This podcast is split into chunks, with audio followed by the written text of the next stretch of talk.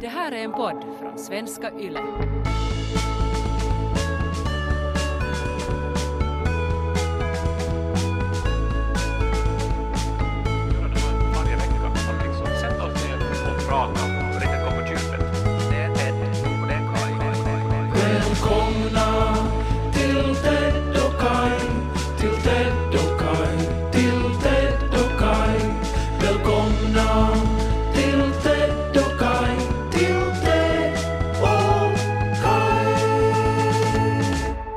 Känns ju nästan hemskt att börja banda podd nu för man kan ju missa vad som helst eh, på OS menar jag.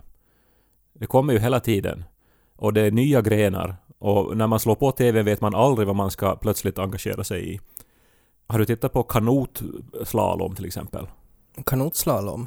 Ja. Alltså att man skidar med kanoter istället för skidor?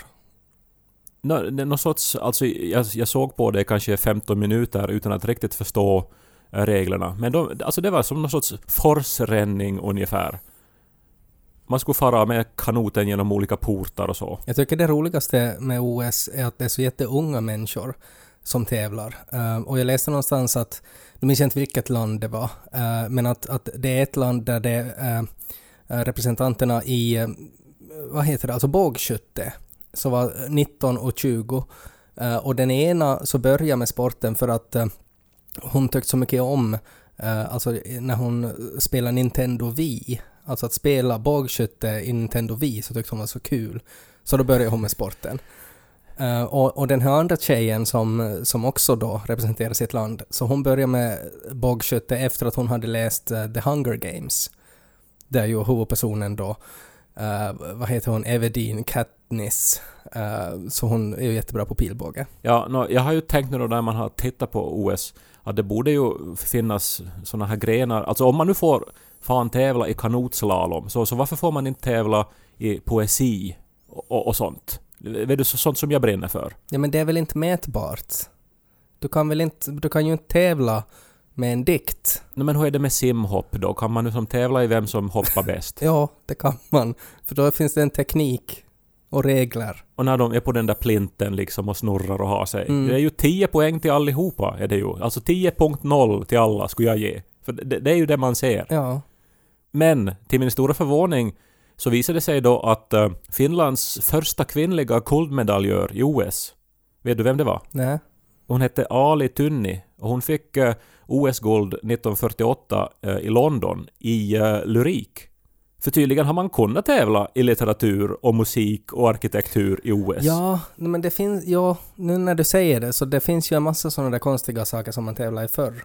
Men kanske orsaken varför de slutade där var att de märkte att det går inte riktigt, alltså hur, hur ska man bedöma en sån gren? Ja, alltså det var då när spelen moderniserades någon gång då i början av 1900-talet. Eh, Så då fyllde då någon fransman att, eh, vet du, att en sund själ i en sund kropp, att vi ska ju inte bara liksom eh, fira de kroppsliga eh, prestationerna utan också de själsliga då. Och så, så la de in då en massa grenar inom konst och arkitektur och musik och, Mm. och, och så vidare. Och så kunde man få OS-guld i skulptur och sånt ett Ja, tag. men de tänkte ju helt fel då. Alltså det, det är ju tokigt tänkt det där. Alltså de borde ju istället ha tänkt att de som är redan där och tävlar, alltså de som tävlar i simhopp, att de borde också då ha ett matteprov eh, eller skriva en dikt eller någonting. Att det blir som en sorts triathlon där flera grenar är mentala istället för fysiska. Så att man först springer 10 kilometer, sen skriver man en dikt och sen... Nej, men det är precis lika logiskt som, vad heter den där grenen där man först skidar och sen skjuter man. Men egentligen så, så vill jag bara komma till att vad borde man idag då... Eh, alltså nu är ju inte konstarterna längre då OS-grenar. Men om man skulle modernisera spelen idag, vad skulle det vara för liksom sådana här nutidens eh, prestationer som borde kunna mätas i olympiska spelen? Jag, jag tänkte genast på memes, ja.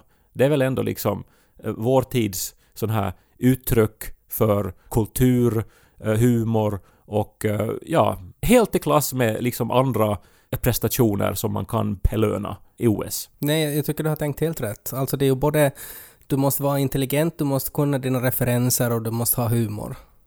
Ett, ett problem kan ju vara på något sätt när jag tänker på olika kulturer och olika länder. Eh, där man ser på, på humor på olika sätt och på memes på olika sätt. Att det kan ju vara ett problem att, att, liksom att nå en konsensus att alla länder tycker att den här memen är bäst. Ja, alltså det är ju exakt det. Tydligen så var det också så när man fick tävla i konstarter att konsten skulle ha någonting med sport att göra och det, det blev ju löjligt. Mm. Att man måste skriva liksom en dikt till sportens ära för att kunna tävla i OS i lyrik.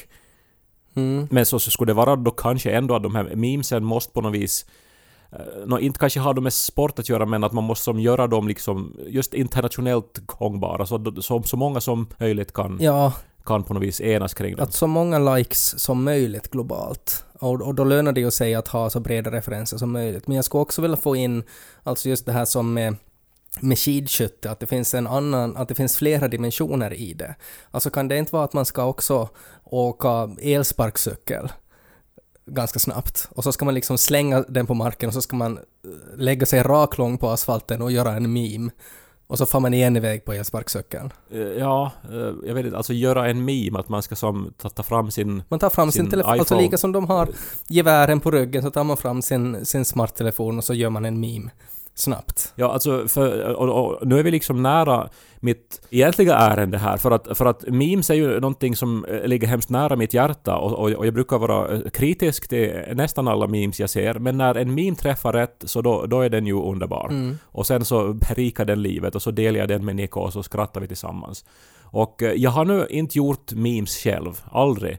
Men jag har nu kommit över en bild som, som du har Vet du, alltså som skulle kunna bli internationell, alltså en, en meme-succé. Cold medalj, om man hittar rätt text till den. Alltså du har gjort, det här är, det här är Kai Korkeahos första meme. Nej, jag har inte gjort... Alltså det här är för, för problemet att jag har en komponent, jag har hittat bilden. Ja. Och, och det är ju inte min bild, Nej. det är en annan som har tagit bilden. Men jag vet att den här har meme-potential och jag har inte sett den användas som meme. Mm. Och eh, jag har skickat den till dig för, för att jag tänker att om vi tillsammans arbetar så då skulle vi kunna liksom eh, komma fram till en OS guldmedalj i memes här just nu. Ja, får jag ta fram den nu då? För jag har inte tagit fram bilden Ja. ännu. Öppna den. Och det är två bilder men ta... Ja, jag öppnade den här bilden och det första man slås av att den är svartvit eh, och att det ser ut eh, som, eh, som eh, det skulle kunna vara ett foto från, från Pormo eller Essie. Alltså det är en, en massa unga kvinnor i folkdräkt eh, som ser jätteglada och stolta ut.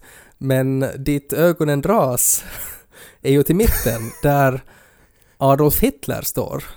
Ja, ja, så är det. Och vi ska förstås lägga den här bilden tycker jag i Ted och Kais omklädningsrum så att alla får se den. Mm. Eh, den är väldigt alltså, alltså striking, alltså vad ska vi säga, i, i ögonfallande. Alltså, eh, och, och, du har helt rätt att ens ögon dras automatiskt då till Hitlers intensiva blick i mitten. Eh, det här då, alltså kontexten är att det här är faktiskt också relaterat till OS. Det här är från OS 1936 i Berlin. Och det är Finlands folkdanslag eh, som då uppträdde där. Alltså Tanhu-ryhmä. Alltså det är på riktigt alltså. Det, det är finskor omringar Ja, Hitler. det, alltså, alltså, alltså det är kanske 50 finska unga söta eh, tjejer i folkdräkt. Så här oskyldiga, vet du, unga. Och det är ju någonting här, alltså vet du att så här känner man sig när? Alltså, där finns ju en meme. Ja, Eller alltså, det finns tusen memes. Jag, alltså jag, jag, jag dras ju på något sätt, alltså för uppställningen hos hos de här damerna eh, och Hitler och sen är det ju två, åtminstone två andra män också där. Alltså den här uppställningen ser ju ut som en ganska sån där uppsluppen, alltså som ett skolfoto, alltså ett klassfoto. Eh, och det som jag tänker när jag ser den här bilden så är ju på något sätt att, att man singlar ut att, att den här ena typen på, på klassfoto ja, ja. Eh, alltså det är ju en variant av det här elefanten i rummet. Ja, Alltså den ultimata elefanten i rummet. Alltså ja Hitler-elefanten alltså i den ultimata elefanten i rummet är ju Hitler i ett gruppporträtt. och, och, och det här... Men så, eller, eller vet du det här uttrycket som en katt bland hermeliner? Ja. Alltså det är ju någonting med det också där. Ja, som Hitler bland folkdansarna. Men, men, men, men jag tänkte också om det skulle vara så här, är du, när man eh, som barnlös uttalar sig om hur det är att ha barn med människor som har barn, vet du. Men det är som inte elegant, men vet du, alltså det är ju som den känslan man har Mm. eh, då när man får de här, eller man som vet att det är det där som andra tänker, då de som har barn, när jag kommer och säger någonting om hur man ska byta blöjor, Ja, så så är ju jag Hitler jag tycker att, att vi sätter upp den här bilden i eh, uh, Terokais omklädningsrum på Facebook. Och så tycker jag att vi ser där i gruppen, vi måste ju ha någon i, i, i Tumpis memes kaliber som kan ha den ultimata bildtexten till det här fotot.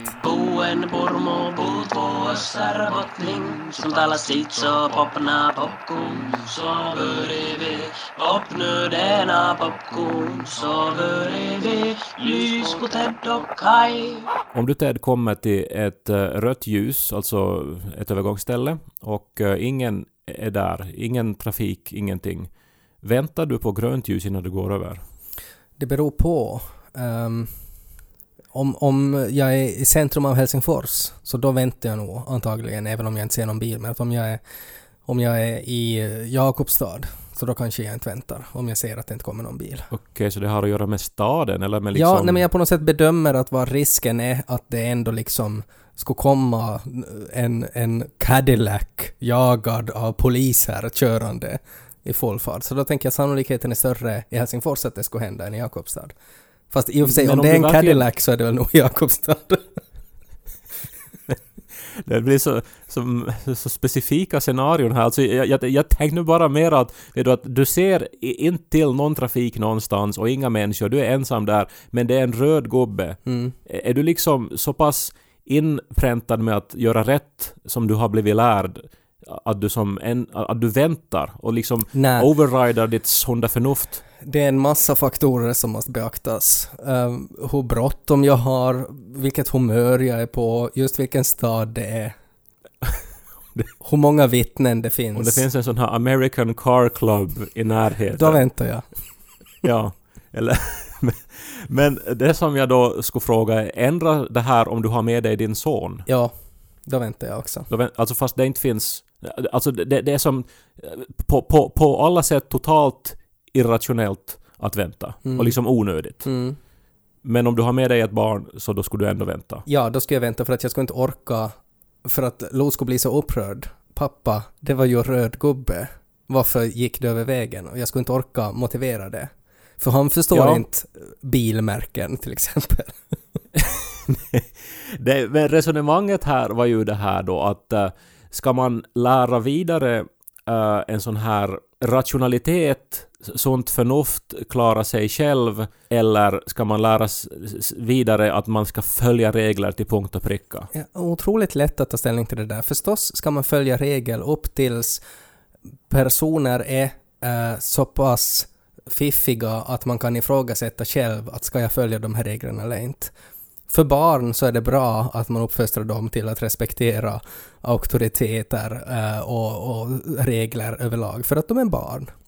Men Men- sen men när de alltså- blir myndiga så då kan man ju kanske eh, lätta upp det här. Det här, alltså, för oss har det här varit väldigt eh, aktuellt just nu eftersom Janika blev eh, stannad av en motorcykelpolis. För att hon eh, körde för snabbt. Med sin Cadillac? Nej. Tyvärr var det inte en Cadillac, utan det var vår helt vanliga bil. Eh, och hon hade bråttom och hon körde för snabbt och hon blev stannad av en motorcykelpolis. Och det var ganska traumatiskt för Lo. Det, det här är ju alltså, alltså det här är ju upptakten till nästan alla mina sexdrömmar annars. Alltså att, vet du, att man blir stannad av en motorcykelpolis i de där, alltså ett så här läderställ. Och så ser man i packspegeln att de tar av sig hjälmen och stiger av och så knarrar lädret när de kommer fram till en. Ja, nej, eh, eh, Janikas, eh, eller jag vet ju inte, men jag tror inte att man tänker så om man har sin femåring i baksätet och annars är stressad och sådär och vet att de hamnar och betalar böter. Men, men det här har lett till nu att alltid om hon kör bil och Lo är med så säger han att mamma, nu ska du inte köra för fort. Och det är till och med alltså att när vi cyklar så poängterar han att mamma, du ska sen inte cykla för fort. Mm. Hur blev det då? Fick hon böter? Jo, hon fick böter. Oj, men hon blev inte av med kortet och så här? Nej. Det var alltså på en jättekort sträcka där det är oklart riktigt vad det är för hastighetsbegränsning. Eh, och, eh, och hon körde lite för snabbt. Och, och de hade, det var, det var väl razzia där. Så, sånt som händer och som man försöker förklara åt sin son också att ja men sånt där händer. Ibland är det sådär, ingen hamnar i fängelse. Nej, jag- kan nog tänka att jag skulle ha blivit ganska upprörd som barn om, om, om, om mina föräldrar skulle ha blivit haffade av polisen. Mm. Ens på det där sättet, för det Mm. skulle ju vara så man betraktade förstås. Ja, Men ändå, eh, är det rätt att lära, alltså borde man lägga energi på att lära Lo att ja men det är inte så farligt, det är inte så där svartvitt, sånt där händer. Uh, inte är det nu som så viktigt att du jämt följer alla regler. nej, det är jättedumt. För att då är det också sådär att när man har egna regler åt honom så applicerar han ju samma logik på det. Inte det är så viktigt att jag gör som mamma och pappa säger. Och det vill man ju inte. Man vill ju att barnen ska göra som man säger. Därför så är barnens värld ganska svartvit. Jag vet inte om det är för att vi då lite så här går i barntankar, jag och Niko, men allt oftare så när vi har någon sorts problem eller någonting som händer så drar Niko in barnet och så här att ja men om barnet skulle vara här så vad skulle du göra då? Eller hur skulle vi göra då? Hmm. Och eh, det, här är nog lite så här eh, roligt som tankescenario. Eventuellt är det bra som förberedelse om det blir så att vi någon gång får barn. Så skulle ni ha varit i samma situation eh, och ni skulle just ha pratat om att hur det var liksom, hur det var otroligt upphetsat och det var liksom början till liksom den bästa sexdrömmen någonsin för dig och, och, och om du skulle bli stannad av en motorcykelpolis och så skulle Nico fråga okej men hur skulle det ha varit om barnet skulle ha varit i baksätet? Nå, då skulle ju hela... Då, då skulle det ju inte ha... Eller nu skulle det väl ha varit erotiskt men jag skulle ha måste på något vis trycka bort den, den tanken då. På Jag trodde du menade trycka bort barnet, att det skulle finnas en sån här katapultstol i bilstolen. Boing! Hypotetiskt, är ju ska för ha en att- Cadillac utrustad med katapultstol. Det är bara svårt för att när du pratar om uppfostran och sådär så tänker jag ju på den här bilden av Hitler som vi diskuterar. Alltså. Ja, men jag, men jag vet det och att jag, jag ju nog då alltså har faktiskt noll kredibilitet i, i de här frågorna. Eh, Men, men eh, det var ett så här specifikt eh, dilemma som, som riktigt utlöste det här på, på, på allvar och som sen fick också ganska ödesdigra konsekvenser när vi var eh, eh på Emsalö eh, där Nikos föräldrar har ett sånt här eh, lantställe så var vi där eh, några veckor och var ute vid havet och eh, njöt av semestern här. Och då en dag så hörde vi ynkliga pip från taket. Och eh, no, det är ju mycket natur och sånt så vi tänkte ju att ja, ja, no, men där finns ett fågelbo. Och pipen fortsatte då, höll oss eh, till och med vakna på nätterna för de hördes in väldigt bra. Sen så eh, letade vi fram en sån här stege och eh, klättrade upp och tittade under taknocken. Där hittade vi då Eh, ett fågelbo som har ramlat ner i håligheten mellan takstolarna. Väldigt svårt att eh, beskriva, inte heller viktigt nu då att, som, att ni får en 100% klar bild av hur taket var byggt så att ni vet hur det här såg ut. Men i alla fall, ett övergivet fågelbo ligger i ett utrymme mellan takstolarna. Alltså det var, Och, det var eh, någon sån här fågelmammas värsta mardröm som hade liksom besannats. Att när hon träffade den här fågelpappan för länge sedan så visste hon att okej, okay, han, är han, är, han är snäll är han, men han, är, han slarvar ibland.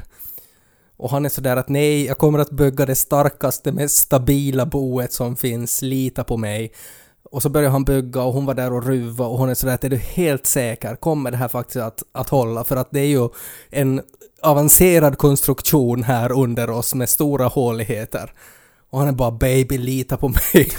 Det här kommer att bli så bra för våra barn. Jag ser så fram emot att leva resten av mitt liv med dig. Och så Och sen så ramlar boet och så syns pappan aldrig till igen. Nej. Och mamman letar i några dagar och, och försöker sitt bästa. Och pappan är på fågelbar någonstans med en öl och är så här att Har du fel i huvudet? Jag måste få han. Du hade fel i huvudet satan. Men, ja, no, så, så kanske det gick till. Men no, ja, vi var ju nog att vi ville inte blanda oss i naturens gång. Vi litar på att fåglarna hade det här ändå under någon sorts kontroll. Mm, de Men- hade det säkert jättebra där. Men pipandet fortsatte. Och eh, nä- nästa dag när vi klättrade upp för att se hur det stod till så hade en av fågelungarna, de var tre stycken, eh, dött. Mm. Alltså rörde sig inte.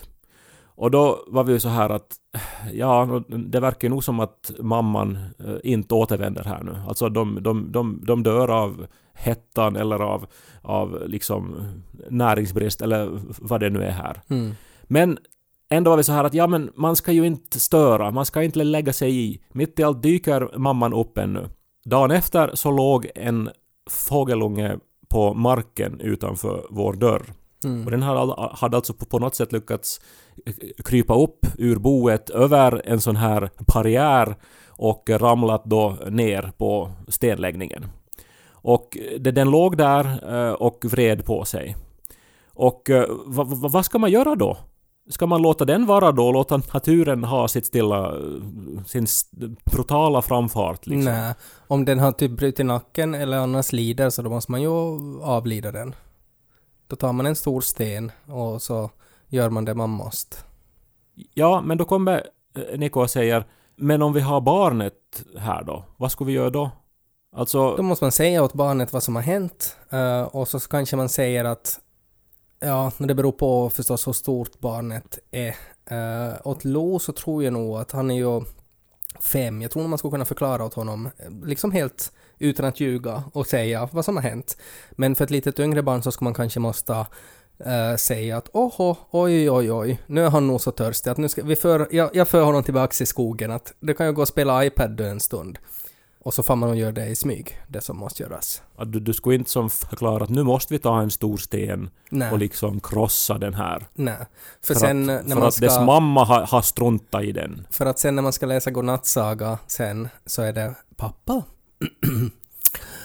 Hur är det då om eh, vårt hus skulle rasa ner i något hål och du och mamma inte skulle kunna komma till mig då och så skulle jag ligga där då och svälta ihjäl och så skulle jag på något sätt ta mig ut och ligga där och så skulle jag bryta nacken framför huset.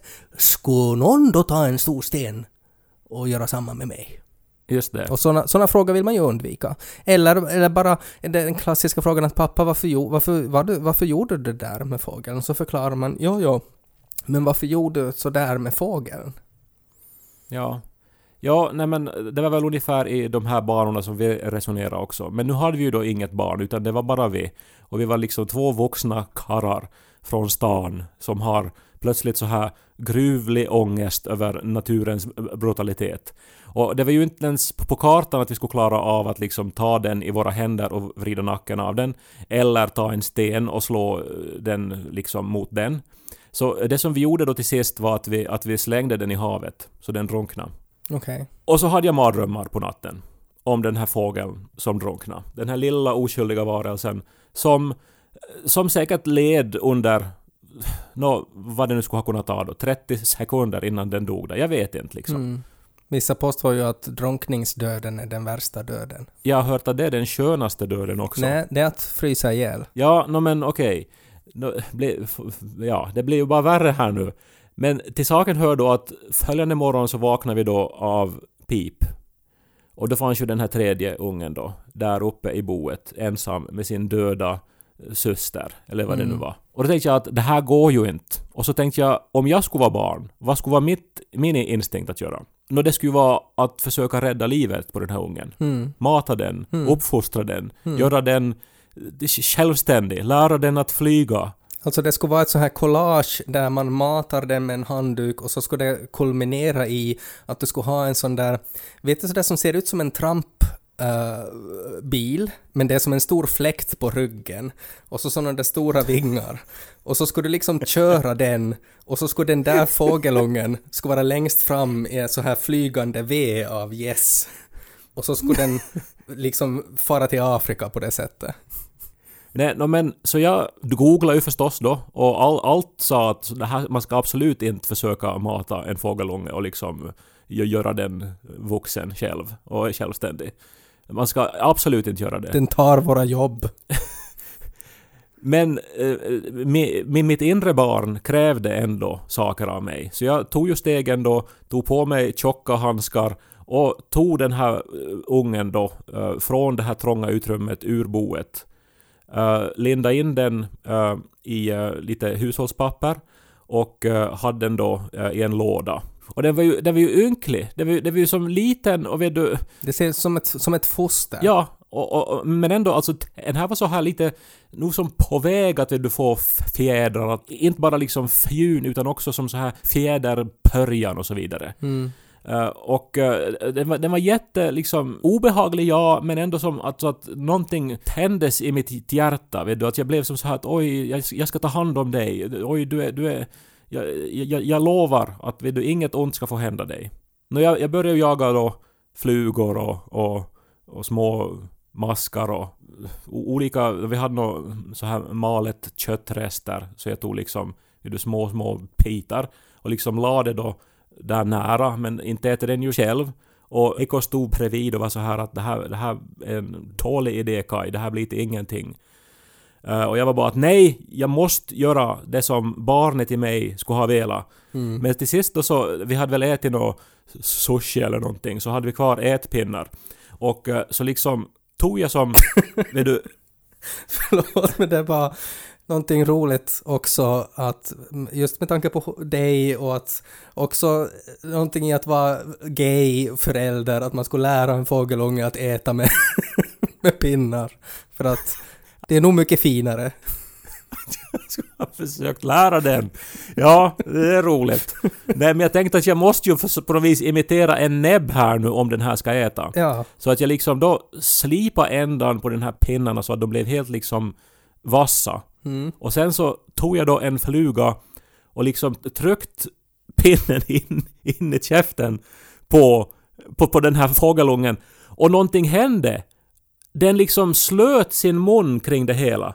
Och det var med kraft, alltså man liksom kände i pinnarna att nu är det muskler som arbetar här. Och så svalde den! Den åt! Den här flugan. Och så plockade jag upp en, en sån här pallet köttbit, trommade in den så typ det bara gick. Och igen kom den här muskel... Den här känslan att nu, nu är det någonting som händer. Och, och den åt. Och så liksom jag, jag lassade in mat i dess käft ända tills den då la sig ner och somna. Alltså den var nöjd. Den, den, den var mätt. Jag hade, jag hade liksom lyckats mata den. ja. Och alltså det var som en otrolig känsla det där av, av, av att jag gjorde någonting liksom fundamentalt rätt i världen. Alltså så kanske det, det, det mest rätt jag har gjort någonsin i mitt liv. Ja, det var, det Så var det. ett primalt behov som du tolkar rätt och uppfyllde hos en annan organism. Ja men är det så lätt? Alltså, alltså att jag som hade en connection till den här andra arten. Men också förstås det här att jag, jag liksom fick som rollen av, vet du, pappa. Är, är det det jag kände? Att jag var pappa plötsligt? Ja, Jag var den som ungen brydde som, som ungen var beroende av. du tog hand om en annan varelse. Ja. Och eh, jag googlar ju ännu mera då att, no, men om man nu då ändå gör det här så liksom, hur ofta ska man mata dem? Och det var ju då att du ska absolut inte göra det här för att, men att om du ändå gör det så var femtonde minut. I alla fall så gjorde jag av en sån här, vet du, en, en plastburk med turkisk yoghurt så gjorde jag då ett bo dit vi satte då gräs och lite papper och det var som jättemjukt och fint och fluffigt. Och så placerade vi ungen, den sovande fågelungen i det här boet. Och så började då jakten på mera mat. Och jag gick då genom alla fönster och letade efter flugkadaver. Jag liksom äh, grävde i rabatterna, hittade små insekter och mask. Och eh, jag var borta kanske tio minuter. Och när jag kom tillbaks så var boet tomt. Har Niko slängt den i havet? Vad fan, det har jag inte ens tänkt på. Jag... jag vad, var det din första tanke? Ja. För, för, men för att, alltså helt uppenbart var det ju en rovfågel som hade, hade tagit den. Det var Niko som Det slängde kan den i ju inte vara som du sa. Det, var det Niko kan som ju inte slängde- vara så. Jo, det är så. Nej men det var en rovfågel, för där, där, där, där finns ju måsar och vad heter det, kråkor och skit liksom. Var det Niko som såg det och kom och sa åt dig att Kaj, det kom en sån här lammgam från Högholmen kom flaxande och jag stod där och jag slog den på käften men sen så kom det en till och den for iväg med fågeln och den pep och jag tyckte den sa Kaj, tack! Och så for den iväg. Alltså nu måste jag få prata med Niko. Ja, alltså, nej det är Niko som har slängt den i havet för att han såg vart det här var på väg. Niko visste vad det här skulle leda till. Han visste vilka impulser som höll på att vakna nu i din kropp. Snart skulle det här ta över allt. Eh, du skulle bara gå omkring i en, en sån här liksom eh, loppig pyjamas och långt skägg och bara fråga har du sett några no, flugor? Han är hungrig nu igen.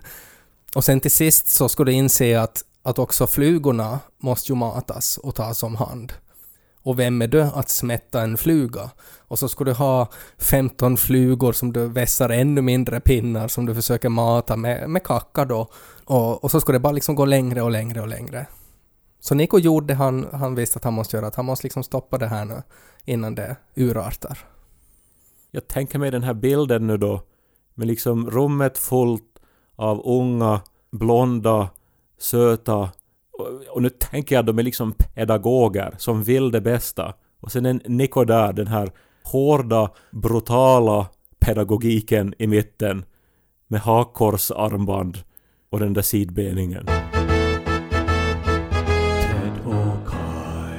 Det har varit en skön sommar. Det har varit skönt att vara lite ledig. Um, nu fortsätter ju vardagen. Och det är ju, ju äldre man blir så desto tråkigare är det ju när vardagen ska fortsätta. För att uh, den är ganska vanlig. När man var yngre så var det alltid en större förändring som väntade efter sommarlovet. Och det var någonting som man så här så fram emot med skräckblandad förtjusning. Alltså det var ju tråkigt det att man inte ledig längre, men det var också roligt att börja på en ny klass, kanske få en ny lärare.